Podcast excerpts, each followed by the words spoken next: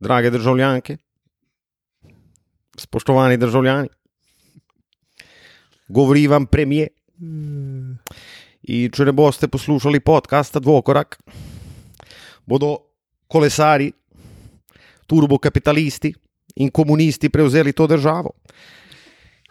In kot lahko slišite, se vse slabe stvari začnejo s črko K, razen kacin, kurbe in kangler. Bim, bim, bim, bim, bim, bim, bim, bim, bim, bim, Gospod premijer, najlepša hvala, da ste se odzvali našemu povabilu. Gospod uh, JJ je preletel v vaše ošesa, drage poslušalke in poslušalci. Uh, poglejte, ne, se tako je. Ne. KKK na eni strani je slab, ampak na drugi strani pa dober. Ampak v bistvu je pa KKK zelo slab. Wow. In zdaj mi už ti rekel, da se to zdaj le spomnim. Ne, imel sem ga že prejšnji teden v mislih, A, ampak glede na to, da sem spet 10 sekund preden smo pržgali rekord, začel razmišljati, kdo bi pa danes uh, prišel v goste, v intro, sem se kar odločil za gospoda, za gospoda uh, Premijeja. Jejeja. Uh, jej, jej. Uh, in ja, dobrodošli v. JJ Hickson, No, evo. JJ Redick. JJ Reddick, JJ Hickson, JJ Bareja. Povej mi, če imaš igralca številko 46 zdaj le z glave, pa ti dam za six-pack pira, star. Puf, Stari, ni šans. ta je pa res Ni težko. šans. Tilen? Donovan Mitchell. Ej, Hej!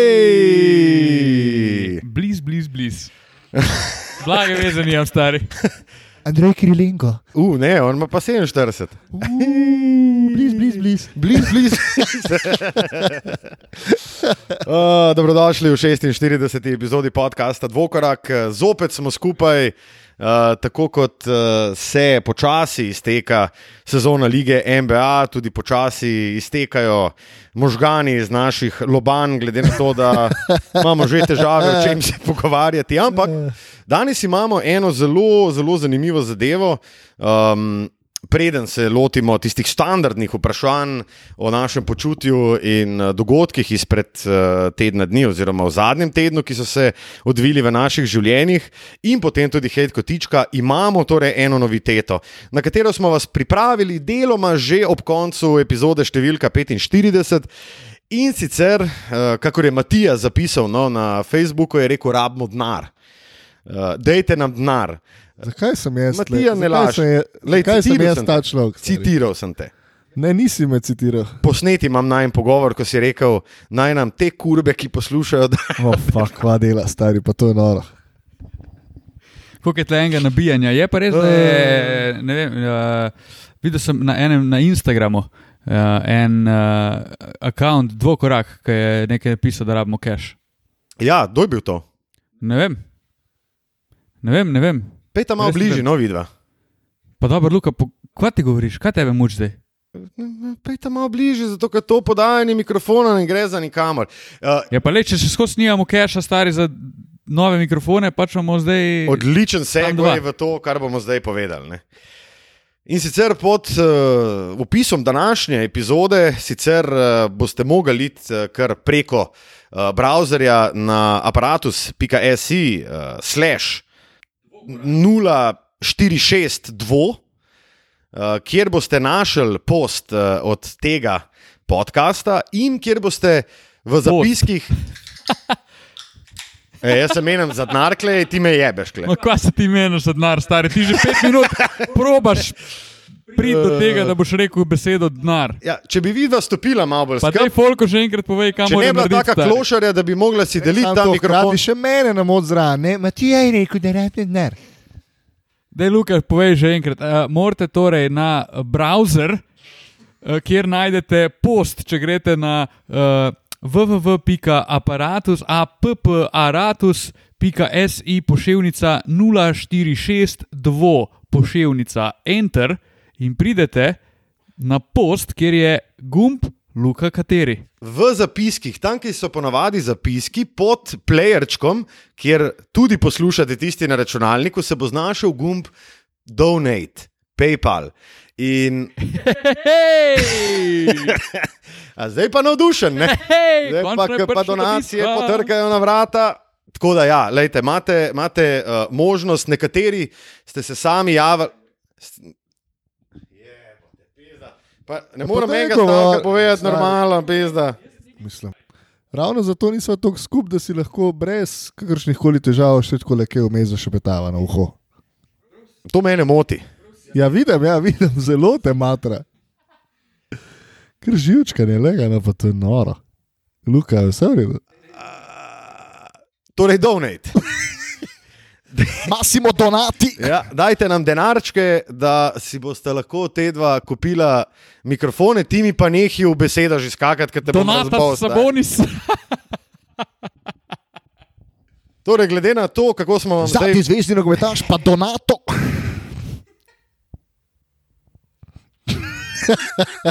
Ne, nam da denarja, pošljete nas v kurac. Ne, če, bi mogoče, fanta? če bi mogoče slučajno kdo rad nakazal uh, 46 evrov, morda kar preko trajnika, da jih nakaže vsak mesec, povem še nekaj košarkarjev, ki v tej uh, 46. epizodi nosijo številko 46 in to je, da nimo Aaron Baines, tako v Bostonu, kot tudi v Phoenixu. Mm. John Končar, ki je by the way letos špilal basket za Memphis, Dennis Bell, Jason Collins in pa Bo Outlaw.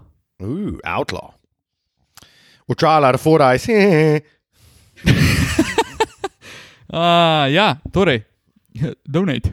ja, um, da ne bo prihajalo do teh uh, nesporazumov, nesoglasij in da ne bom jaz živčen, ker si te dva podajata ta mikrofon, kot vroč krompir. In nimate nobenega feelinga za to, kakšna je dinamika pododaje, ki živi na internetu. Uh, a veš, kaj je boljše? A veš, zdaj, ki si ti rekel neki, ne, ta mikrofon od Kosmača, ki je mimo grede nov in ki ga moramo odplačati, hvala z vašimi donacijami. Uh, Tega zdaj ni ujel, ne, kar si ti rekel. In to je lahko gol, to je lahko situacijska Stari to je, komedija. Veš, ko si šel mat, ki reče za 5 evrov, stari je ti je dala za ne vem kva, za čigumije, konc koncev. Tok cajta, ki si ti pa lamudil, ja, mislim, a veš, mogoče, če bi mi sam mal, a veš. Zdaj je ta žepnina, ki si malo Da mi zmanjkuje, povej, pa kje mogoče, če bi mi 5 evrov. teh pizda. 5 evrov, pač če bi jih lahko posodila, tok cajta si ti zdaj rabo za sto povedal, stari.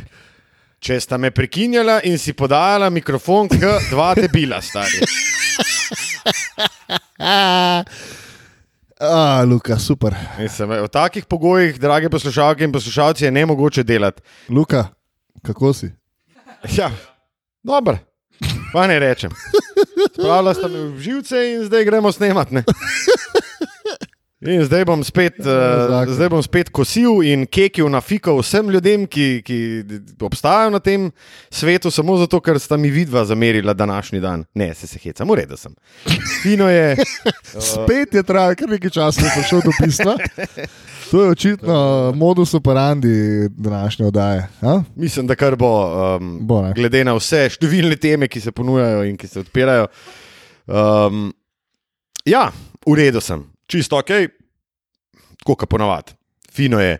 In pripravljam in to naše novo gnezdece, naš uh, nov headquarters, zato da se boste tudi vidva, fanta, z novima mikrofonoma počutila, kar se da, fantastično. Uh, obenem pa uh, zahvaljujem se Tilnu, seveda, da nas je zopet uh, sprejel na Štangasini, Gerjevi ulici 12 v Ljubljani in da bomo naslednji teden že na Mencingerjevi, na največjem, mimo grede, največjem uh, kavču vseh časov, uh, dokazano, Guinnessova knjiga rekordov, 2,80 m meri, en krak, 2,30 m pa drug.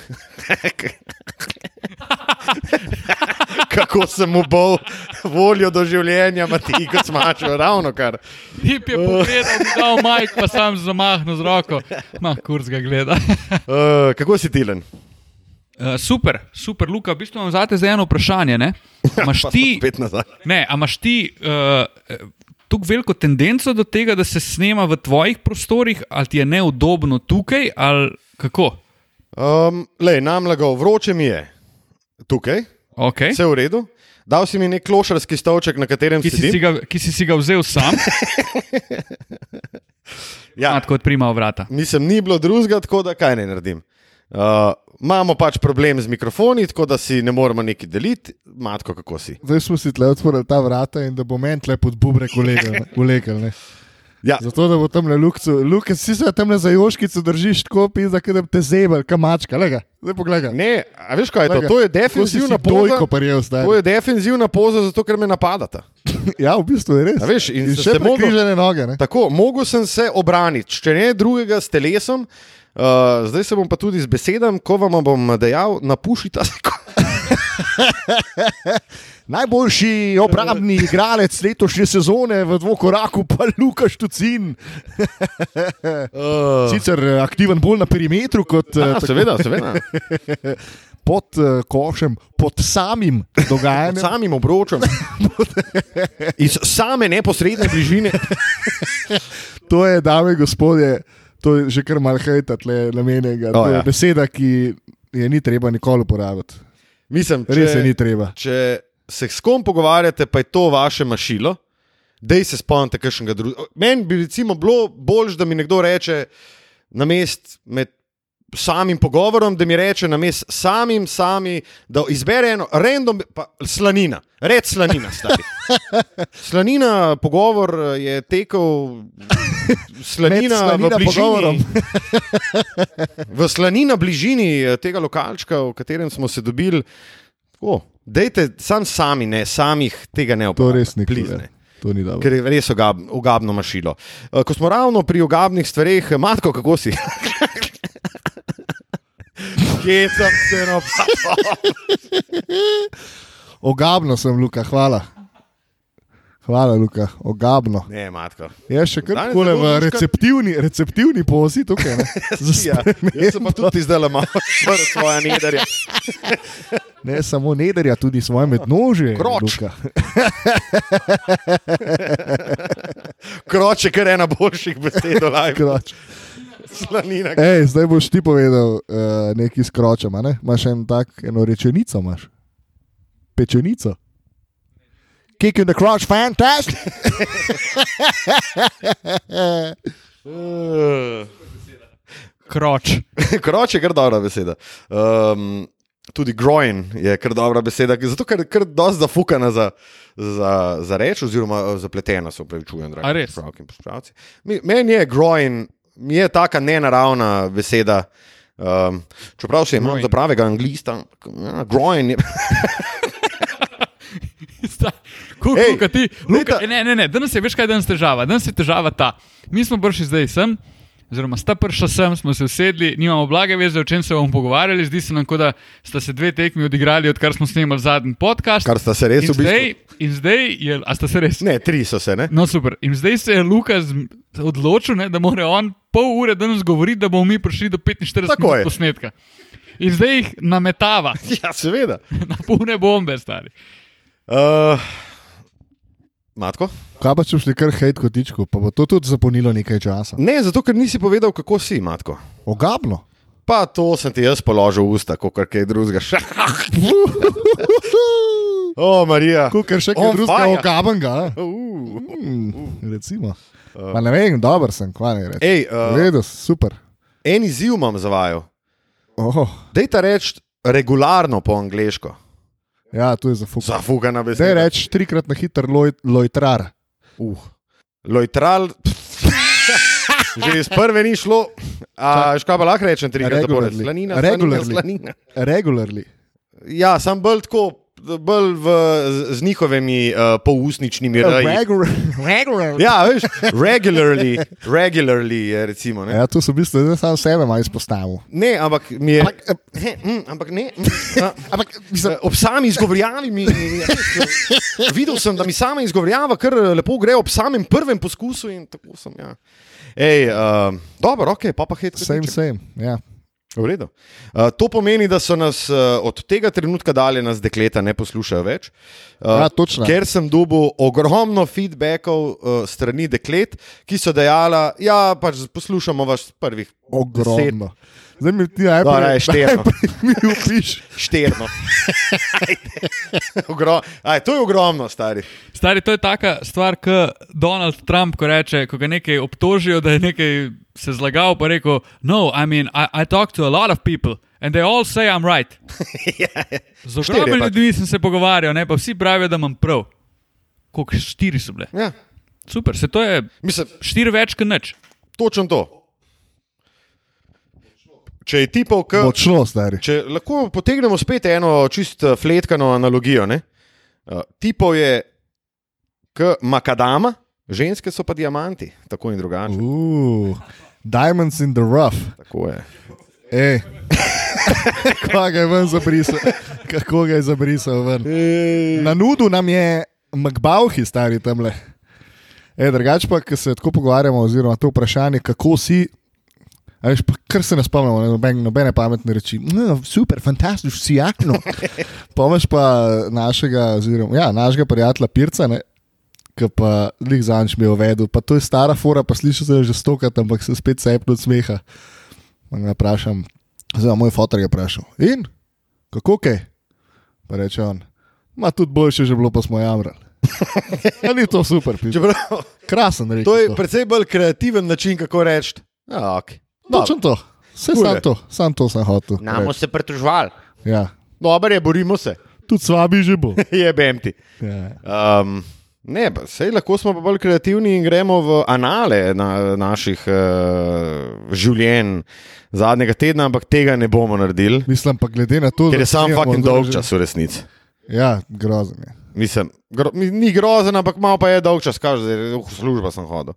Pa sem šel pa čez vikend na dva pera Ja, jaz sem imel recimo. Jaz sem, imel, za nedoločen čas. jaz sem recimo imel In spet prekinitev rednega delovnega razmerja. In tam na centru za socialno delo štucin. Še vedno štucin. A po treh mesecih pa se mu je pridružil tudi Lamut. Tam uh, Lamut. In nazaj še vedno do, štet, do štet, štucuna. Štucina že šest mesecev nezaposlen. A Ivo tam pa prekarec kosmaš. Ivo pa redno. A Ivo pa mislim, da je kar. Abone, abonent. Mm. Abonent Ivo. Sem vam povedal, da me zanj škli. Ja, sem povedal, da me Ja, kliče. so, ja. A miš, da bo Ivo kaj doniral? Ivo. Ja, naj vnuki in sinovi hčerke pokažejo, in Ivo, prosim, eh, podpri podmladek eh, slovenskega novinarstva, dobro, hardly novinarstva, ampak ajde. Karli podmladek, Karli novinarskega. Reagirali. Uh, ja, se strinjam. Jaz Ja, mislim, da je Ivo dovolj dal že s tem, kar nam je dal to. To, kar ti. To je pa res. Kar smo se dobro. že v prejšnjem podkastu pogovarjali. A ste opazili, da je Ivo, uh, mislim, da ta minuli konec tedna je eh, stopil tudi malo bolj tako v urbane vode in je komentiral na Facebooku live, mislim, da Urbanscape, Škofja Loka, pa celje, ne, uh, slovensko rokometno ligo in vsi, smo, vsi trije smo rekli, da to je pa odlična ideja, odlično. Ivo je legenda in zakaj, zakaj bi se tako hitro, mislim, hitro. Zakaj bi se poslovil, če se mu še ni treba? No? Če je fant, če fant. Gospod, če je v dobri formi, pizda, koliko. eh, koliko- Ne, to, da on komentira rokomet, eh, za, sploh pa celje, to je pf, fantastično. Ja, jaz se to res To strinjam. je res kul. Cool. Dobro, Tilen. Tule imaš pivo in uh, tudi štafetna palica, ki predstavlja, da boš moral izbrati. Av, ne, tega nimaš, Matija, hej, kotiček. Ja, tilč, se mi zdi, je lik zdaj dobo hejt kotiček. Ne, ni ga dobo. Luka ga danes ni vprašal, kako je Tilen in je ful srečen. Sam ne vem, a te res ni. Pa jaz mislim, da sem te dvakrat pa začel nekaj Ja. lapati. Ja, Točno to. No, Tilen si zaradi nekaj govori, če se vi ne boste slišali. zato, ker nimamo treh majkov, tako da Ja. doni, do, donate, donate MG. Uh, donate ja. MG bi lahko bil sponzor našega Donate Gumba. Ja, sploh skret eh, dela. Ja, skret. Ja. Donat, Lahko imel segmente, bi krasne sponzorje bi hit lahko našli. us up. In v zadnjem tednu, oziroma v tednu, v treh tednih, uh, d- d- d- dirke po Franciji, Tudi nimo paloma, brisačke in vece papir. Evo, Paloma hita Ja. sap, Donat MG hita sap. Uh, uh, vodovodarstvo potočnih, hita sap, stari, je treba je cevi spucati. U, mister Muskolo, hita sap, stari. Je stari, mister Muskulo pa res rabim. Stari, mister Muskolo je pa- to neka najboljša zadeva, stari. To ti pa odpre pipek. Uh, Kot donat. ja, do, do nas hita sap. Uh, in v zadnjih treh tednih, to je pa treba reči, je bilo pa ogromno skret materijala, predvsem zaradi dirke po Franciji. Ne. Koliko je bilo pa tam, Ja, jaz imam tle skrit material za, kotiček. ja, pot, a, rabiš jingle, a ga ne rabiš. Ma da je lahko, ga imamo, stari, ker ta jingle je kul. Cool. Za hej kotiček, Dajmo ta jingle. ok. Po, po tem jinglu mi da je pa še un jingle v štacuni, veš? Ja, točno vem, kjer ga. Točno veš, za kva se gre. Evo, sam, sam to mi da. Ne, v bistvu je en boljši jingle tim dal. Super, super. tudi super. Je, je tak prikaz, da prihaja skret. Super, fantastično. Šupko, ne? Poženga, Poženga. star. Skret! Ti, ni, ni, ni, ni, ni, ni. Vse lepo naprošamo, da, ki, ki primerjajo Tadeja Pogačarja, Primoža Rogliča in Luko Dončiča ter njihove dosežke, da si izberejo obrazec po želji, zelo na hitro odjavijo, stari. Ker to je pa tako slabo. Včeraj, ja. poleg tega, bi dodal še eno stvar, eh, primerjava, eh, a je več uredno Evropsko prvenstvo, oziroma zmaga na Evropskem prvenstvu, a je več ureden tale Tour de France. Še ena hitra odjava, prosim. Dajmo, en, dajmo poleg donate eh, gumba še gumb odjava. In, ne, kaj, lahko narediš peticijo. Lahko narediš. Daj od, Peticijo, od, to. odjav folk, samo odjavli ga. Odjava. Vsi tisti, ki ste si oblekli rumeno majico, pa ste na Insta, eh, Twitter, Facebook objavili. Tadeja Pogačarja, pa Primoža Rogliča, še mesec nazaj pa veselo trobili cestnim kolesarjem in uh, na forumih pisali, kako bi bilo treba vse povoziti. Odjava, hvala lepa, lockout. Uh, to, to sem hotel tudi ma- ker se malo najdem v teh zadevah in uh, me iritirajo. Veš kaj ti bom sam rekel? Prič, brat. Irite. Irite je to, stari, to je pa nor irite. In najbolj mi je šlo na živce, če se smem spet malo. Uh, to, da stari oboje je noro dobro. Zakaj bi to sploh kdorkoli primerjal? Stari pogi, rogla in naši basketaši, to je, to je noro, stari. Ti tega prvo kot prvo ne moreš primerjati. Ne moreš tudi reči, tako kot un. Da je neki žoganje, neki garaštvo, stari, to je, to, je, to je samo nabiranje klikov in to je bilo vsem jasno že od začetka. Jaz sploh ne vem, zakaj se je folk tako zapenil za to. Ker to Ker je bila, Ne, prav je, da se je. stari, prav to je, je bil tipičen skret. Nima veze, prav je, da se je, kaj je un bebo. Ker to je, to je res, to je tak skret, da moraš tudi opozoriti in jasno dati vedeti, da je skret. E, Dober, sam pol kaj. Bebo bereta, stari. Ne, res, ker to, kar si ti zdaj rekel, to je, to je, to je v bistvu poniževalno do, do športnikov. Bebo bereta. Number 44, Bojan Bogdanovič. ja, prosim. Bebo, Uh, matko, bereta. matko bo Bebo Bereto trademarknul. Copyright takoj. O, Bebo Bereta, bravo. Še en vergal ste zamudili, zato imamo premalo uh, majko, tako da donati. Ali odjava. Zdaj vam damo na koncu naših zapiskov dva gumba, izberite enega. Odjava in pa donate. Uh, Skratka, poniževalno je to do športnikov, da se jih primerja na tak način. mm, In milo rečeno, neprimerno. ja. In taki ljudje bi, recimo, ki smo se ravno prej pogovarjali o taki bolj uh, uh, digitalni dobi in tako naprej, taki modeli bi mogli imeti, ko smo ravno pri tem, pa cepljenje. Recimo, evo, za proti-COVID cepljenje, da mu vcep noter še, da ima na čelu, da se mu napiše en gumbek. Logout in da ti en reče tako bedarijo, da mu sam stisneš logout in da, in da ti pa sam zmanjka.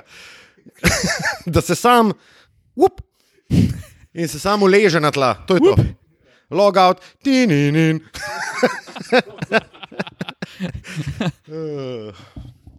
No, pa da ne bom samo hejtel na te fantastične dogodke, ki smo jih doživljali v zadnjem obdobju, uh, bi rad sam še to povedal, uh, da je rogla velik gospod. Jaz, mislim, jaz si sploh ne znam predstavljati, kako bi se jaz gadno počutil v situaciji, v kateri se je on znašel. In da imaš ta muda, da minuto potem, ko si se ga napušil, stari, da prideš, daš človeku roko in rečeš, vsaka ti čas, boljši si. Stari, to, to je noro. In pol najboljša zjava mi je bila pa una, ki so mu vsi govorili, da ja, pa imel so filo visoko prednost, pa to gor pa dol. In rekel, ja, želel sem si biti prvi, zaslužil sem si biti drugi. Stari moj, to je za vse tiste, ki ste kdaj tekmovalno se ukvarjali s športom, se zavedate, koliko je to težko, pa kakšen, kakšen šef moraš biti. Um, mnogi ga primerjajo s Federerjem. Zaradi tega to bo Luka bolj vedel, če ta džentlmensko spaše v ta, ta rang. Meni se zdi tole res uh, one of a kind, zmagovalec tura po Franciji na nek svoj način. Jaz bi rekel sicer, da je Federer je gentleman in to velik, ampak eh, da so uh, ponovadi poraženci proti Federerju zelo gentlemansko. O njem govorili tudi on je, ampak on je pa tudi ene parka tisko malo razloge, Wimbledon z Nadalom, ki sta igrala do poznih ur in je rekel, da se nič več ni videl in zakaj se neki ni tako. No. Je bil tudi, da je mal Butthurt, kar je Tako, kar je povsem, povsem uh, uh, normalno, glede na to, da je, um, da je človek pa zgubil Grand Slam. Je pa res, da je pič, pač Rogla bil enkrat v tem položaju, FedEx pa pač 30krat oziroma 40krat, kako koli. Je pa res tudi to, uh, ti, da se še uh, strinjam s teboj, je pa uh, noro. Pokaže, kako velik je rogla, da je pač zmogel to minuto, potem, ko se je najprej usedel na asfalt, pa je šel pa čestitati. Uh, pa, ko smo že pri propsih, propsi še za Tamaro. Ona je tista, ki je na zadnje uh, poskrbela za našo fotkico. In kot, kot vse kaže, bo tudi tokrat poskrbela za fotke, medtem ko si Luka ravno kar nadel svojo felpico, zato ker v njej izgleda precej bolje. Tako je malce skril svoj sicer nabrek, nabrekli trebušček. Wow. Marija, ja, pri štucinovih letih uh, redko katera stvar še nabrekne. O, oh, Marija, zdaj mi pa v enem stavku rekel, da sem debel, strpa in potenten. Pička mu materina. O, oh, ja. Marija. ja. uh, oh. Vse veš, da je bil sam. Ja, vem, vem, vem, matko napušča. Dobro. Luka je ostal brez besed. Jaz bi temu dodal še sem, da je Primož Roglic sportista par excellence. Jaz sem komentiral te njegove izjave, da to, kar si premenil, jaz tega ne bi bil sposoben nikdar narediti. Jaz bi, moje, sem pač sedel na unem betonu, pa se zjokal ali nekaj. Mislim, se bi šel pol čestitati, valjda, ampak takoj pa take, da bi res razmislil, kaj bo rekel, ampak to je po mojem njemu pač čisto nagonsko ta izjava prišla iz njega ven. Pa tudi, ko smo se mi pogovarjali, da je on v bistvu dost nehvaležen sogovornik včasih, ker ti ne da neki ful velik. Ampak pojk sem šel poslušati te izjave za nazaj. Pogotoviš, koliko v bistvu slišiš se, kukar da je neka generična stvar, pa se velik del izjave je, ampak zraven je še zmeraj neki tasga, ki si na koncu sam rečeš, stari tip točno ve, zakaj reče in kako reče in kdaj reče res meni v mojih očeh je kljub porazu zrastel, rogla, vsaka čast.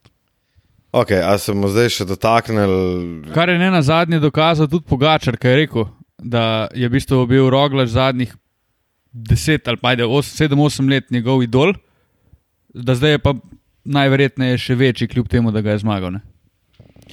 Luka, zdaj pa dosti tega kolesarstva, ne, ne, ne, preseda. Te, uh, lahko še, še, še malo ostavimo pri tem, ampak samo smislu tako, ali se bomo zdaj spet mogli pogovarjati, uh, že zdaj, kdo bo športnik leta, ali kva, ali mislim, kdo bo in tako naprej.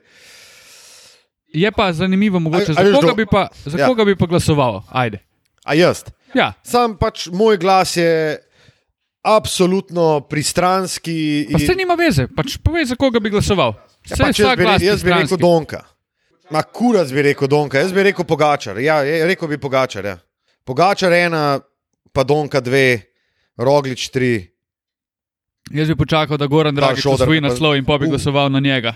Ja, ampak a Gogičev osvoji naslov je pred Pogačarjem. A veš, ta je pol. Ja, je, zato je bo tudi MVP finala. Če je MVP finala, je pa mislim, da da to kar fiksulja. ne. Uh, lej, to, je, to so spet, kot sem rekel, da so to zelo nehvaležne debate in to so debate, s katerimi nikamor namo pršel. Itak se bomo pa pizdeli, kdorkoli bo športnik leta, itak bo pa na koncu, ne vem. Pa, Ne, da noč ne vzamem komorkoli, ampak raj ne bom rekel, ampak itak bo pa na koncu, ne vem, nek model, ki pleza po balvanih. Ne vem, ja, neki. A veš, pač vse nima veze. Um, Luka ima tako velikega, da mu rečemo kar balvan. wow. o, nisi nič kompenziral za tisto str, str debel in potenten v enem stavku. Ja, ne, sam ti imaš majk, pa je lažje, že kar tebi direkt rečem, ker lahko tako odreagiraš, ker ti le ne more. Ne. No, to sem pa rekel, da stopta skup. Ej, stopimo skupaj. Uh, kar se športnika leta tiče, a je sploh važen, star. A ti veš, da je bil tri leta nazaj športnik leta, pa koga boli kurac. Mislim, to je, to je kar neki, to je neko glasovanje, ki smo si ga novinari sami izmislili, manj ali kva. Ne, brez veze je, totalno brez veze. Tako kot je brez veze primerjati, a je večji uspeh to, da je nekdo v najboljši peterki lige NBA ali to, da je nekdo usvojil tur. To je meni brez veze. Oboje sta vrhunska dosežka. Če bi se zgodilo v dveh letih, bi bila oba športnika leta, tako pa pač sam en. Mislim, brez veze. Sam to ti pove, da je brez veze. Sem jaz se pa ne strinjam s tem, da je. A ti misliš, da je pač izbiranje športnika leta brez veze? A res? Ma jaz, meni se pa to zdi čist super. In tudi en uh, letno opozorilo na veličino slovenskega športa, če me vprašaš. In tudi, to boš zdaj ponovil v Mike. Popolnoma se ne strinjam, Tilan, hvala. ne, ne, zabavam se. Um, ja, promaš, res je, to je PR event. In kar se PR-ovca tiče, je seveda, da PR-ovcu to sede. a ne. Čakaj, niso od zadnje neke Mike, tudi ne. finančni vzgibi, finančne nagrade za športnika leta, ne dobijo neke. V to ne vem. Ne? Mislim, meni se zdi, da je ne? tudi to, da. Meni se zdi, ni, ne zdi čist nič narobe, da nekomu gre v nos, da ni bil športnik leta. In da se nekdo, mogoče eno sezono pol, trudi še malo bolj, da bi postal športnik leta, to se meni zdi super. Miš, da gre Donke tu v nos, da ni bil lani, pa da je bil rogla. Ne, mislim, da mu ne grejo v nos. Jaz mislim, da Donko je res. Tam na smledniku vose ukol, igra tenis, hodi v hrastnik na rokomet, njega, njemu to kosem. No, meni se zdi, da je ta, uh, tudi to glasovanje v končni fazi, v, oh, wow, kar sklece, stari. Uh, noben od nas, eh, dame in gospodje, ne dela sklec, s tem več gledamo v posnetku prvo tekmo med Lakersi in Denverjem in Markif Morris je po pacu na glavo naredil še nekaj, nekaj sklec. Najprej je preobrnil kozolec. da je bežmo stran od teh Ja, eh, gremo. drugih športov, ki niso tema naših podkastov. Tako, jaz se bom, vrnimo k košarki, ki, s katero bo sedaj v, svoji, v svojem kotičku sovražnosti postregel Luka Štuci. zelo na hitro bom jaz opravil, približno 15 sekund, in sicer kaj za tega hudiča. Gospod Jezus Kristus je delal Miles Plumley na zadnjem pozešnu, kaj je Anthony Davis, o Marija, pomagi. In to je to. In to je večkrat naredil v tej sezoni. In Mike Malone, prosim, to je bilo pa zrelo za odjavo, da ti daš človeka, ki ne more enega prevzeti, da ga daš za zadnji pozešen na igrišče in da ti to naredi. Mislim, tu se mi ne pogovarjamo niti o prevzemanju, on bi se mogel teči za njim, stari. Ja, ja, on se je zaletel v. On se, on se je hotel zaleteti. Točno tam. to, ja. Zaradi tega, ker. Davis ni šel, on je šel meter pa pol stran od kao blokade, ki to v resnici sploh ni bila. Ni bila, ja. Ne, mislim, meni sploh ni to, ne, jaz sploh ne dojemam, kaj je ta tip delal v obrambni akciji takrat. Jaz sploh ne vem, kako pa jasno. Plamli dela sploh v ligi. On je že, on je že 6-7 let je precenjen backup center. A je on res, predse, a, a je on res v resnici kao cenjen? Jaz mislim, da je, zato ima kogarkoli. pa skozi klube pisno. Ja, dobro, ampak sej ti dejansko, marsikdo ima klube, pa ni neki cenjen, ampak je pač tam, ker ni drugega. Ne, Mason. Mason. Matija bo med tem pogledal, koliko prejema, je Mason Plumley. Uh, koliko prejema Mason Plumley na letni ravni Koliko smukcev? smukcev. In rezultat Koliko tega je, nimamo Koliko še tega mil? rezultata, medtem Dwight Howard greši iz črte prostih metov, Koliko, zelenega, koliko sira dobiva, Ogromno zelencev se obeta. koliko čedarja. Luka, promaš. Mason dobi preveč damca na leto. Ja, dobi ne. In sicer dobi kar 14 ementalerjev. stari. O, ši. Son. O, Marija. A veš, iz keta? Ja, The Wire, ne? Je, da vaja. Shit. Kva pa zategne ta šije, to je pa noro. To mu žal zapiske. Uh, zraven donati gumba. Kaj je bila že una italijanska smučarka Gabriela Donatoni, ne, Donadoni.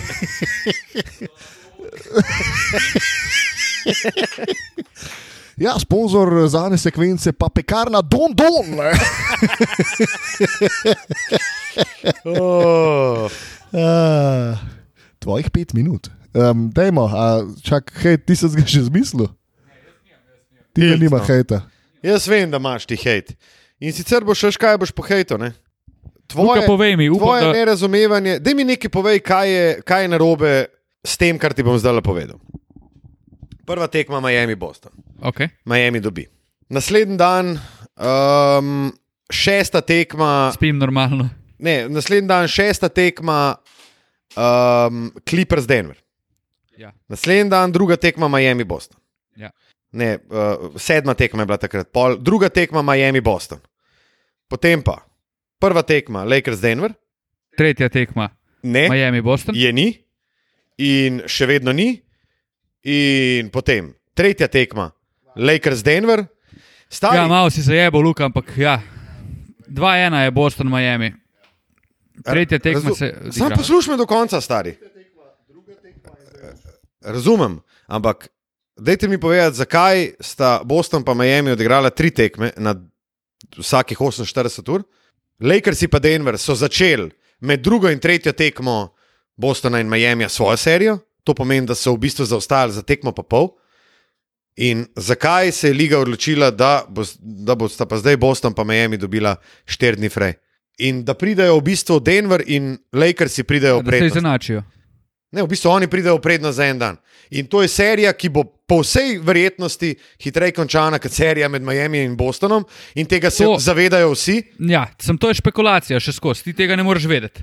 Dej mi povej, kaj je bilo narobe s tem, da oni igrajo na vsakih 48 ur. Ne vem. Mislim, meni je tudi to, da igrajo na vsakih 48 ur že en mesec, rahlo tumač. Ni to point. Point je, zakaj ti igraš vsak drug dan, kar je pa čisto ok, če si v fucking bablu in nimaš ničesar drugega za delati, in potem ti eno ekipo pustiš štiri dni, da počiva. Zato, da pride ena serija pred njo. To se meni zdi najbolj nelogično, zakaj to delaš. Tako ali tako sta one dva prej začela špilati. Miami je tako ali tako imel šest dni frej pred začetkom konferenčnega finala, Boston sicer malo manj, ampak ne mi reči zdaj, da je Boston, da je Boston kul, cool, da ima štiri dni frej. Ne, to je kul cool samo in izključno uh, tekmecema na Westu. Pa da ne bom zdaj rekel Lakersom, No, jaz ne je- verjamem, da se, to, da se s to potezo favorizira Zahod. To jaz zelo težko verjamem. Okay, pa mi pa povej, zakaj je bila do nedavnega, oziroma do druge tekme, je bil schedule narejen na vsak drug dan. da A, to pa nisem vedel. A je bil narejen Ja, ja, vsak drug dan in oni v- so se dejansko zdaj. Jaz sem imel v Odločili. programski schemi, sem imel iz nedelje na ponedeljek, mislim, da bi mogli, ne, iz ponedeljka na torek bi mogli biti. Uh, bi mogla biti četrta tekma, jaz sem jo imel noter v programski schemi in smo jo mogli vam fukati. Uh, zanimivo, nimam, nimam odgovora na tvoje vprašanje, Luka. in Lahko je to moj hate, ki si ga ti glihkaj objasnil, ker če je to res, pol je to dosti nekul. Cool. Mislim, jaz sam ne štekam tega. Jaz No? tudi ne, jaz tudi ne štekam, ne štekam. Če je temu tako, da bi to mogla biti tekmo odigrana, da je bila planirana in da se je naknadno zaradi kakršnega koli razloga uh, zgodilo to, da so jo premestili, to tega ne razumem. Nikjer pa tudi nisem najdel neke kul cool obrazložitve, zakaj je temu tako. Vsi so sam pač poročali o tem, da okay, mene- naslednja tekma je sreda na četrtek. Ja, mene je realno to ful presenetilo, ker jaz sem mislil, da pač Ja, ja, ja. je tekma takrat in sem šel polene petkrat gledati na pet različnih kanalov sporede, pa napovedi, če je ta tekma, a obstaja zdaj ta tekma ali ne. In mi je bilo dosti čudno, da sem rekel, ok, whatever. Mislim, Pač mi se moramo kasneje. zavedati, da so oni na zadnje igrali, da iz, uh, iz petka na soboto so na zadnje igrali. A ne? Meni tudi danes ni bilo nič jasno, ko sem to odprl. Ja, Mislim, zakaj, kje tiči razlog. Kje tiči razlog? Mislim, da je iz petka na soboto ali sobote na nedeljo. No? Naslednja bo pa Mislim- iz srede na četrtek. Jezus, Marija, fantje. No? Ja, no, tudi meni ne gre to niti približno glavo in ne, štek, ne vidim. Ja, sploh. mislim, ni tudi razlike. Okay, zmagovalec te serije med Bostonom in Miami, ki bo po vsej verjetnosti daljša od Lakers Denver, bi počival izključno dva dneva ali pa max štiri dni več. Plus, ker sem šel pogledat, sploh sem rekel, ok, mogoče pa po treh tekmah ma- je pauza ne, v konferenčnem finalu. Sam ni Pa ni, videti, ne. ne. Lakers se igrajo obično, razen če jo spet pol to zamenja. Ne vem. Ja, ok, ne. da se ne ve. Da je to nek dogovor z MBPM. Nekva, ne vem. Mogoče. Je pa res, da še skozi bo dejansko serija Boston-Miami imela tekmo prednosti. Ker bodo pač prej igrali tekmo 4, kot pa Lakersi pa Denver. Čakaj, Lakersi pa Denver Dons igrajo tretjo tekmo. Ja, Ja. ja. in jutri Ja, jutri bo pa šterka. Ja. Ja, jutri bo štirka Miami, pa Tako jutri je. sem pač ja, en dan so še skozi. Ja, kasneje, to ne. naprej. Ja. Ampak Nima veze. če bo šla una serija 7, pa Lakersi odlomijo 4-0, bo Ali to pa- še skozi Ali pa 6 konec koncev 4-1, pa imajo 4-5 Unija. dni razlike. Ja. Oni bodo po ja. dveh dneh špilali finale, oni bodo imeli pa 4-5 dni frej. Bi se vse. Ampak spet, to so pač okoliščine, ki se jim moraš ti v danem trenutku prilagoditi. Vse Denveru tudi ni bilo prav, da po seriji z Utahom so imeli sem en dan frej in so čez 48 ur že igrali prvo tekmo proti Clippersom. Takrat jim skadili. daj 3 dni počitka, ne pa med fucking serijo, ki je 2-1. Ok, Se nima veze. prav. Dobro, Kul. Cool. A to to? Škoda. mislim, da Ne, mislim, mislim- prijadrali smo do 42 minut, tako da lahko tudi Ja, zaključimo. ne, lahko bi še malo te tekme njih po, pobliže. Dajmo. Boston, kdo bo eno tekmo proti Miami? Uh, mislim, da smo. A smo delali, snemali, ko je bilo 1-0 za 1:0. Miami. pa jih na un večer. Ne. Ja, na un večer. Um, Ja, neč, uh, Ja. ja. bomo vprašali gospoda. Ne bomo ga povprašali. Ja, ja, seveda, se je že na nudu. Um, gospoda iz Južne Psice. bomo povprašali, uh. zakaj je Miami dobil drugo tekmo, oziroma zakaj bo Miami dobil serijo. A, najlepša hvala. tole mu je pa dan polep. A, res je, res je, res je. Sicer odgovora nimam, ampak uh, tale južna psica se je kar dobro prijela. Tudi na social mediji sem videl kar nekaj omemb tega. Ja, Miami je dobil drugo tekmo, ker je ne vem, sposoben odigrati zadnjo četrtino, kot se zagre. Kar je ne na zadnje dokazal tudi na tretji tekmi, ko pa je bilo ipak malo premalo.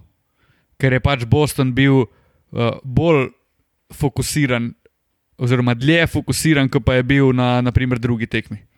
Ker prva pa druga sta bolj kot ne malo kopij, ena druge.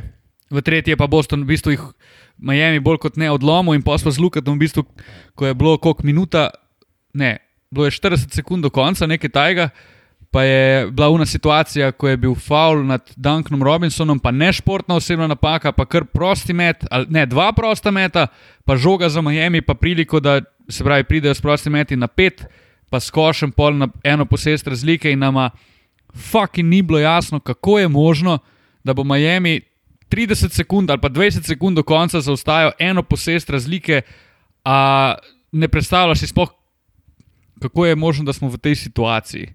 Kaj je Boston dobesedno jih dominiral, jih je pač skozi je bilo in ni bilo sploh nobenega uh, dvoma, kdo bo to tekmo dobil. Tako da um, Miami je super, kar se tega tiče, sem, ko zdaj poslušamo že kot tri dni, ko je pauza, je pa to malo nadležno, ne?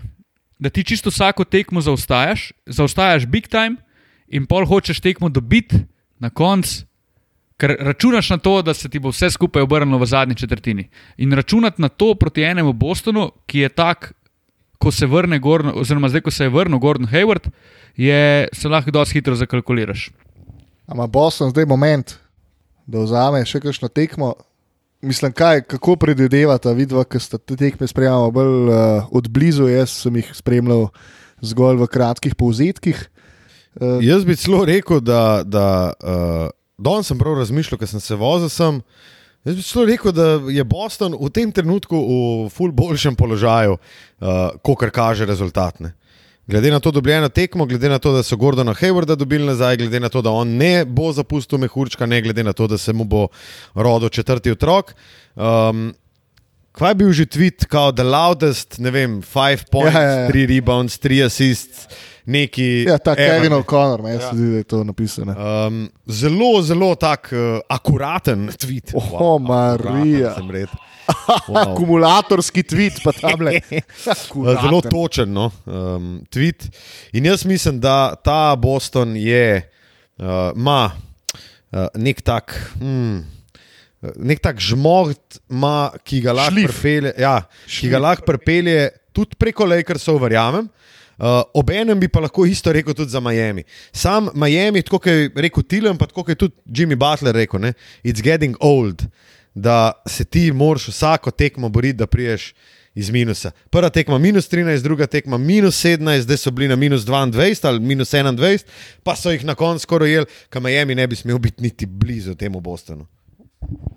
Sem, v bistvu je to ful zanimivo, ne? ker Miami proti Milwaukeeju naprimer, je dominiral serijo dobesedno vsako tekmo od prve minute do zadnje, bolj kot ne, ok, malo plus minus, ne? ampak oni so res tri tekme zapored konstantno prihajali v globok zaostanek. Nikdar ni bila to, to ni bil tak zaostanek, da bi rekel, ok, zdaj so jih oni zdominirali totalno. Ampak kar se je nabralo, pač dve piki tam, trojka tam, pa še en prodor, pa faul tam in pač na koncu je bilo 80, 13, 15 razlike, nisi niti točno vedel, odkot ne. In to, po mojem, je res rata dosadno. Ne vem pa, če bi se strinjal, a si ti, Luka, s tem, ko si rekel, da bi isto lahko rekel za Miami, si v bistvu razvrednotil uno, kar si prej rekel, da ima Boston prednost. Kaj jaz se ne, Ne, ne, naprimer, ne strinjam, da ima Boston kakšno posebno prednost v tem Ne, ne, ne, primeru. on je govoril takrat že o Lakersih, po mojem, pa o tem, da lahko Boston, ravno tako A kot ja, Miami, okay, okay, dobro okay, igra okay. z Lakersi. Ker jaz mislim, jaz sem manj gledal to serijo kot vidva, pa manj uh, sem videl, kako tekme potekajo, ampak mislim, ta serija more iti daleč. Pa Se mi zdi, da ni, daleč. da ni. Enostavno bo ena ekipa toliko bolj pograjndala, če so zdaj bili 2-0 zadnji. Mislim, to je bila najlažja tekma za stavt, recimo, da je 2-0 za Miami in mislim, val, da bo Boston dobil, ker so tako dobri. Tako, to je, bilo, to je bila tekma, ki jo je Boston nujno mogel dobiti, in tudi oni so igrali na način, kot da jo nujno morajo dobiti, in te energije, ki so jo oni prikazali, pač Miami celo tekmo ni mogel izenačiti, kljub temu, da je ekipa, ki igra načeloma z dost veliko energijo. Ne. Jaz mislim, da je bila največja razlika te tekme, da je bil Marko Smart na Dragiču. Dragič je imel minus 29 na koncu v boxkoru. Minus 29.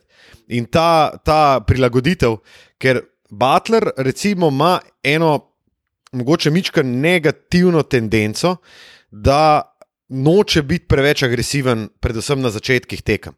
On je zelo malo vključen v to. Veš, on, ni, on ni ta Jimmy Bucket iz zadnje četrtine, ki smo ga vajeni uh, v letošnjem playoffu, da pač začne, ok, žoga je premenjen, zadev dva in fanti vejo, da ne bojo žoge dobili. Sorry.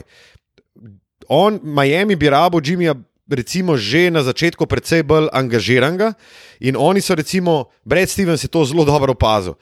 In je pač Smarta, ruknil iz, iz Butlerja, je ruknil na Dragiča, in Smart je bil čisti disruptor uh, kreacije napadov, napadov Miamija, Dragiča je dokaj dobro zaustavil. V bistvu ga je super zaustavil.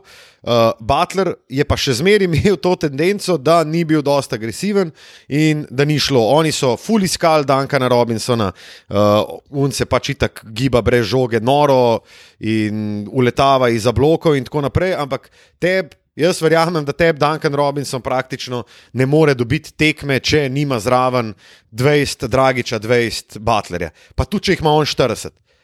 Jaz mislim, da Duncan Robinson ne bo dobil tekme proti Bostonu, niti slučajno ne.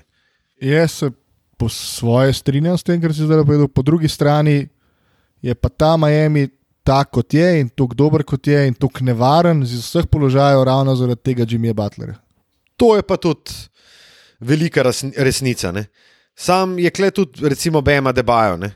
Bema Debajo je bil sicer in Jimmy sta oba dva v bistvu superstarja ekipe, pa nihče ne igra kot superstar. Ampak sta superstarja samo zato, ker sta v določenih elementih igre tako dominantna, da ne rabta 20 pik. Ne, pač Butler to lahko naredi v obrambi, Butler to lahko naredi konec koncev s svojim personalitijem. Bem to naredi s tem, da postavi 20 nerealnih blokov na tekmo, pa zblokira ene par šutov, pa se zna postaviti, pa podaja, pa tako naprej. Ne. Sam, ok, recimo ta pomislek. Butler ni, recimo, perimeter player v, v smislu, da bi on zdaj Ja. si full šutov za tri vzel.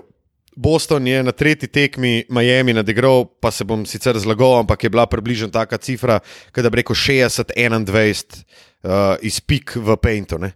To ti dosti pove, koliko se je Miami, koliko je Miami živo in umiru strico, namesto da bi filal noter, kjer Boston pravzaprav nima nekega pravega odgovora na Bema Debaja, če bi.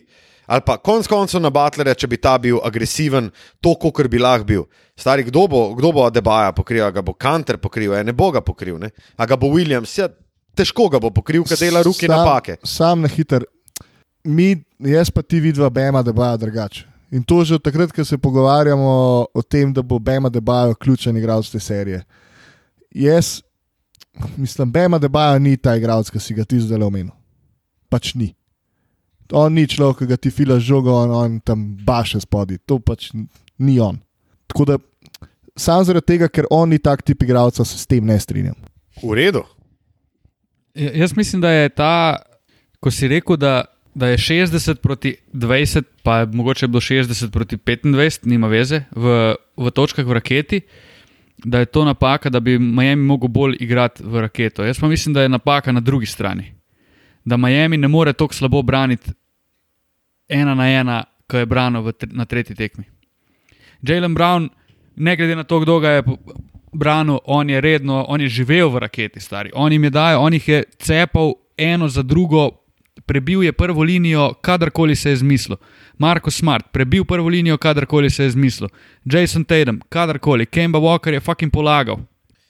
In ti ne Pa oni moreš so full piki sproti napadov. Res je, mislim, lahkih točk, ne, neobranljivih točk, dejansko iz offsajda.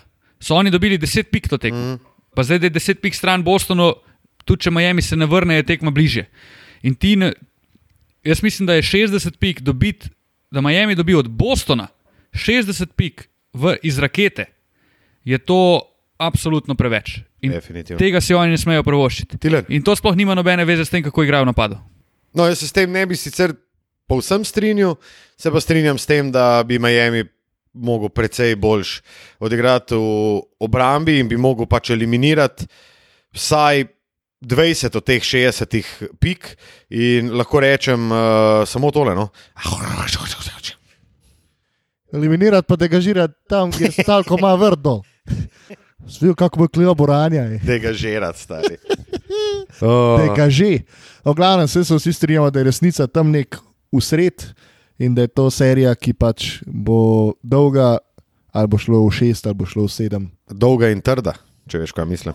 Aj, aj, aj, balvanček Ej, moj. balvani. A, a bi ti še kaj dodal, drugač bi jaz kršil na to serijo, ki jo zdaj gledamo.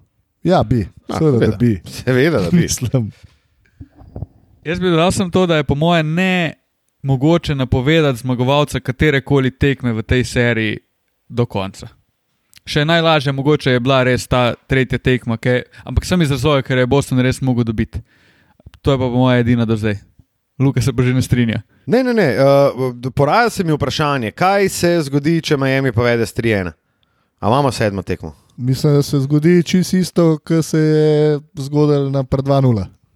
Da je enostavno Boston prije toliko bolj zagret, nahajpan, da da energijo, ki je oni niso sposobni zanačati. Sem, to je pa spet težava pol Bostona. Veš, če boš ti računal na to, da boš bil z hrbtom proti zidu, pa zaradi tega tekme dobival, to je tudi kurc. A veš, enkrat se bo tudi Miami naučil, ok, uh, zdaj spomnimo se, kaj so nam naredili v tretji tekmi, ko smo vodili 2-0, to se ne sme ponoviti. Zdaj imamo, če danes zmagamo, gremo lahko naprej in pač izenačijo to so sigurno. Jaz bi rekel, da ni toliko sigurno, kot pa je bilo zdaj, čeprav je za nazaj tako enostavno biti pameten. Ne? Nekaj imamo pa skupnega, kar se te serije tiče, in to je, da se Hudimana veselimo četrte tekme serije Miami in Bostona. Iz srede na četrtek. eh, Prihaja čez nekaj dni. Ne? Tako, tako. Uh, tole snimamo namreč na torku večer. Uh, še serija Lakersov in Denverja nam je ostala, no, tlepo pa verjetno malo drugačne tendence, kar se tiče tretje tekme in preostanka serije. A je Denver to serijo zgubil na drugi tekmi, Luka? Uh, zdaj bom pa tako rekel, kot Tilen. Ja, mislim, da. Boš bil siguren? Lej, mo, če boš ti boš bil tam. ne, uh, jaz mislim, da Denver ja, um, je pokazal na dveh zaporednih serijah proti Utahu in Clippersim, uh, Clippersom, ne, uh, da zna priti tudi iz globoke luknje. Ne. Ampak je spet to, ne, koliko, how long, koliko časa oni lahko to počnejo. Ne. Jaz mislim, da je njihov čas sicer potekel.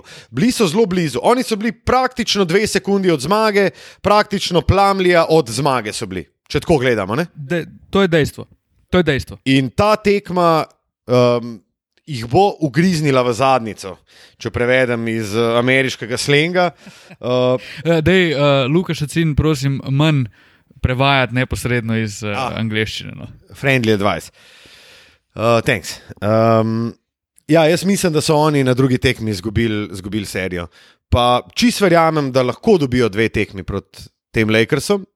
Meni se to zdi čist legitimna misel in to, kar njim lahko uspe, vsem so nahajpani, vsem uh, so v ritmu že tok pa tok cajta, vsem imajo čarovnika Joleta, ki lahko kaj začara. Je pa res, da oni, oni no, sej, Eh, ta pomislek, eh, katerega ima zdaj ti, imam tudi jaz. Ne? Uh, Joleta imamo vsi radi, zato je pač tak kamin, ne pač malo debel. Buco. Ja, buco in, in tako naprej, radi je čevape in kajmak. Ne? Jaz mislim, da Denver bo dobil dve tekmi, če se bo pač odpeljal tudi Džamalu Mariju, prvo kot prvo, drugo kot drugo, pa če bojo od svojih kril dobili lino v obrambi in v napadu, recimo Harrisa, Granta in tako, vsak tri tričke, pa en dober lockdown v obrambi, ampak zelo težko, veš, koliko je nekih faktorjev, ki Ja, morajo ful, njim ful. poklopiti, da dobijo tekmo. Ampak šestkrat se jim je to poklopilo, konc koncev, če gledaš. Ne? Trikrat proti Utahu, pa trikrat proti Clippersom. Ne? Ja, Ja. Ni ne mogoče. definitivno ni nemogoče. Zdaj se bom ponovil, nikdar ne smemo reči, da Denver ne more več. Je pa res, da pod pogojem, da Lakersi odigrajo vse tekme do konca, približno tako angažirani, kot so bili v prvih dveh, uh, pol težko verjamem, da lahko Denver dobi, možno je tudi 4-0 za Lakerse. Seveda je. In po drugi s tem, strani pa če le- bojo Lakersi metali v prvem polčasu 21 prostih Definitivno. metrov, kot so jih na prvi tekmi Denver. Definitivno, definitivno. Ker jaz sem delal tret, ne, drugo tekmo in dve stvari, ki sem se jih najbolj zapomnil. Prvi polčas, pa drugi polčas. Lakersi so toliko večji, pa močnejši, pa hitrejši od tega Denverja, da je grdo gledati včasih. Res, oni imajo od zgrešenega meta ali pa zadetega Denverja do tega, da nekdo kuca v protinapadu, to gre tako hitro, vse, da ti nič ni jasno. Lebron, ko on, pa Rondo ga pri tem odlično nadomešča, by the way, ko on nadzoruje ritem tekme, ko se igra po, dobesedno po njegovih notah, koliko on želi hitro. Denver nima za burek. Pa ne glede na to, če se to na statistiki Lebronovi pozna ali pa ne. A po drugi strani, pa primer drugega polčasa, mi ni jasno, kako Denver nasprotnika prisili v svoj ritem. To je pa nekaj neverjetnega. Dejansko, ej, oni, igr, oni začnejo igrati nek svoj basket, jole iz nič, rata point god, Jamal Murray se začne dobesedno špilati. In nič ti ni jasno, kaj se je zgodilo med polčasom, ampak oni zaigrajo. In to so pokazali že na šesti in sedmi tekmi, in v bistvu peti proti Clippersom, trikrat zapored. In zdaj se je Lakersom zgodilo isto. Nasprotnik, več Lakersi so zvedli manj zmedeno kot pa Clippersi, ampak Denver je tekmo dominiral, igrali so svoj basket, Jokič je bil spet, zadeval je iz pol distance, zadeval je trojke, zadeval je iz rakete, uh, podajal je, utekali so brez žoge. Kot da bi rekli, ok, uh, pač itak nimamo več kaj izgubiti, je bi ga gremo špilati svoj basket. In od takrat dalje nasprotnik dobesedno ne more več usiliti svojega ritma. In ko enkrat padeš v ritem Denvera, pol si toast. In to mi je ful zanimivo, je pa odvisno, katerega od teh ritmov bomo gledali v naslednjih dveh tekmah. Jaz mislim, da pozabljamo na tega možakarja, ki ne bo dovolil tega, kar so si dovolili pri Utahu in kar so si dovolili uh, Clippersi. Jaz mislim, da je tle- Lebron, je Lebron tle James. Jeziček na tehnici, da bo Lebron. Ok, jaz imam pa recimo na to en pomislek. Ne? In sicer sem na Twitterju prebral zelo, en zelo zanimiv post, o katerem sem nekaj časa razmišljal. Je pa post izpod eh, prstov našega uh, kolega iz uh, teh vod, v katerih smo tudi mi. Um, In sicer gre za zbaleta, tudi uh, imata z Gregorjem Sevletom, Sevškom, imata svoj podcast Pivotiranje. Sicer jo že dolgo nismo slišali, tako da fanta, da je ta kakšen perček odpret, pa kaj posnet. Um, tako da je pa napisal zbale uh, to, kao, da spet se je pokazalo, da je Anthony Davis prva izbira Lakersov. Ali to izhaja v bistvu iz njegovega, sicer dobro dokumentiranega, pa so res bale, ampak je res dobro dokumentiran, uh, nenaklonjenost Lebronu Jamesu, ali je, seveda, je dejansko nekaj za tem, ampak dejansko lahko rečemo, da je Anthony Davis prva izbira Lakersov, Franka Vogla in tako naprej. Pred Lebronom Jamesom, seveda. Kaj je Anthony Davis naredil, dokler ni prišel v Lakers? Nič. Hvala lepa, to je odgovor na vse, ali to, na v bistvu cel post je to odgovor. Pa mi pa šla še poveš, koliko let zapored je Lebron igral v finale. Osem, če se ne motim. Pravilen odgovor, še enkrat, Luka, čestitke, odličen poznavalec lige. Si. Ne, jaz nisem poznavalec, jaz sem ljubitelj. Ljubitelj, v vikendovem ljubitelj, ljubitelj. intervjuju. Skra, mislim, jaz razumem zbale, ga pač ne mara, pa ful ljudi ga ne mara, vse kul, cool, sploh ni panike. Sam to so meni prej, mislim. Pogovarjati se o tem, kdo je prvi človek Lakersov, je malo brez veze, zaradi tega, ker vsi vemo, da je to Lebron. In je, čeprav je, to je pa moj še en take, sorry, Matija, takoj ti dam Mike, še en moj take iz uh, tekme številka 2 proti Denverju je pa ta, da je po mojem mnenju Anthony Davis odrasel. In od tukaj dalje, Anthony Davis je lahko, v bistvu bom rekel, more biti njihov najboljši igralec. Pa če pridejo v finale, tudi MVP finala, ker mora dominirati, ker ga ne moreš braniti, ker je ne, mislim, on je nočna mora, kar se tiče meča, pa za kogarkoli. Ampak, če ti iz te ekipe vzameš ven Lebrona Jamesa, Anthony Davis jih prepelje v playoff, pol se pa že počasi poslavljamo. Ne? Sem to je point. In tako je Matija že prej nakazal, Lakers grejo tu, ko gre Lebron. In če on ne bo šel, bo ful težko Davis sam reševal stvar. To bi se pa strinjal. To je cel point. Um, rad bi vaju videl v isti sobi, no. tebe in Gala. Jaz sam nekaj rekel, ne? jaz tudi nisem fan Lebrona, ravno nasprotno, ampak nekaj pa črtane. Mislim, to, kar sta oba že, to, kar si ti kot velik ljubitelj NBA košarke že povedal. Osemkrat zapored. Ja. Pa to, kar smo se konec koncev pogovarjali na zadnje. Um, Kawaj je mogoče boljši igralec trenutno, če rabiš dve piki. Mogoče. Ampak ni pa boljši igralec v smislu cele sezone, v smislu kemije v ekipi, v smislu tega, da se zaveda, kaj je nujno narediti za to, da What prideš it takes, ne? Ja, je bi ga. Tako bi lahko rekli, če je recimo hm, Anthony Davis, ne, je en tekač, on je Jolanda Čeplak na 800 metrov. Ne. Ampak Lebron James je pa Hajle Gebre Selase. Ne. On pa. On, Lase. on jih pa teče, ne. on pa požira te metre in kilometre noro. Ne. Uh, S tem, da ne smemo pozabiti, da Lebron praktično ce, tekom cele kariere ni imel resne poškodbe, medtem ko je Anthony Davis zelo dobro dokumentirano, kar eh, velik, eh, tako bi rekel, v košarkarskem svetu. On je v bistvu košarkarski Arjen Roben, recimo. Ki je imel steklene glede. Lahko še jaz eno, ne vem, če se spomnim. A, dej. Aj, ne, Ne. zdaj, lik zdaj. Če je Anthony Davis uh, Darja Domračeva, potem, potem, je, Da. potem, je Lebron James, Ole Einar, O, Björn, Marija, pomagaj.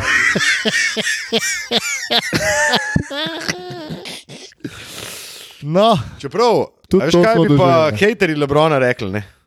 da je Lebron uh, Marit Björgen, ki se je zuno anti-astma neki fiksala, kaj, jaz ne gledam sicer teh, pa kaj je sploh to tek na dolge smučarske proge. Ja, a ni bila Marit Björgen ta, ki.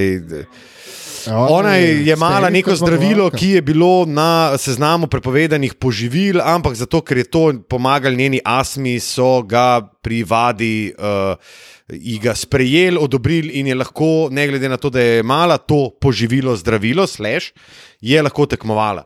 In po pa pač malo vzameš v obzir, da je to um, v redu ali ne. Ampak Kam glih to, zaradi ne, kam to veš z Lebronom? Lih to, hejteri Lebrona bi to rekli, no, Tilan, dej mi. Milan, pomir se, No. posluš, probi razumeti, ne biti sam agresiven, napadalen, tle smo vsi prijatelji. Daj mi mi A, roko. tam lepa, Daj mi roko. tam lepa ta lama. Dalaj lama. Da la la la la lob, da la la la la lob, lob, lob, lob, lob, lob, come on. Girl, I wanna make you sweat. Tako je družba, tukaj se je zgodilo kar nekaj stvari, ki so morda zrezane ven, ali pa tudi niso. Za vse tiste, ki vas to zanima, stisnite, Massimo Donati. Pa Pa vam bomo povedali, prav poseben kontent samo za vas, dame in gospodje. Uncut. Sešito za vsakega posameznika posebej, eh, Ankat, dogajanje iz zaodrja in še več in še več. Hej, hej, hej.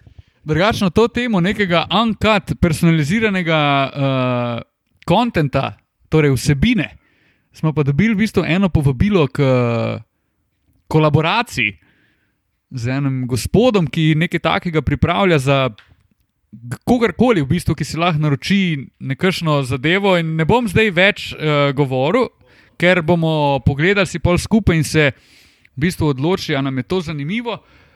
Je pa zdaj sedlo v to, kar si povedal, Matija. Nadaljujmo, prosim. Ja, ne, sej nadaljujemo s končevanjem v bistvu. ne.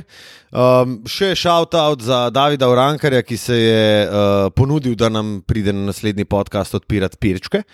Hvala, David, z veseljem se tudi odzovemo temu povabilu, pa ne samo odpirati pirčke. Tudi če kaj drugega, lahko tudi če kakšno pico spečeš. ne, uh, David je zares velik šef in eh, hvaležni smo, da imamo takšnega poslušalca kot je uh, DU.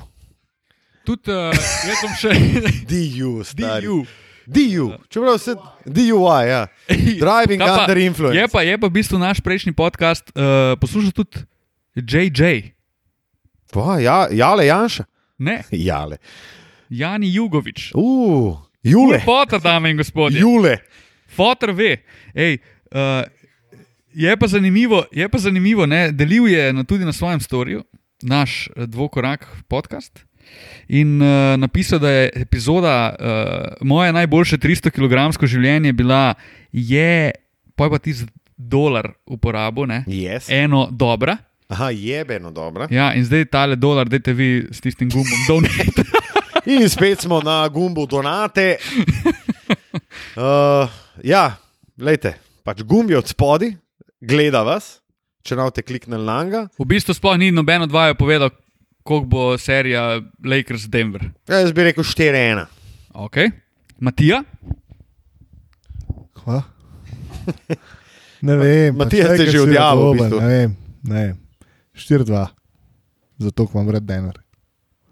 Bistvu je pa čisto vse, tudi če 4-0. V bistvu je tudi čisto vse, če Denver dobi. Dajmo končati to sezono, pa kar dansno. Eno, pač vse mi je. No. Vse mi je. Ja, točno to, kar ti le rekel. Vse mi je tudi, če lik zdaj le nehamo snemati.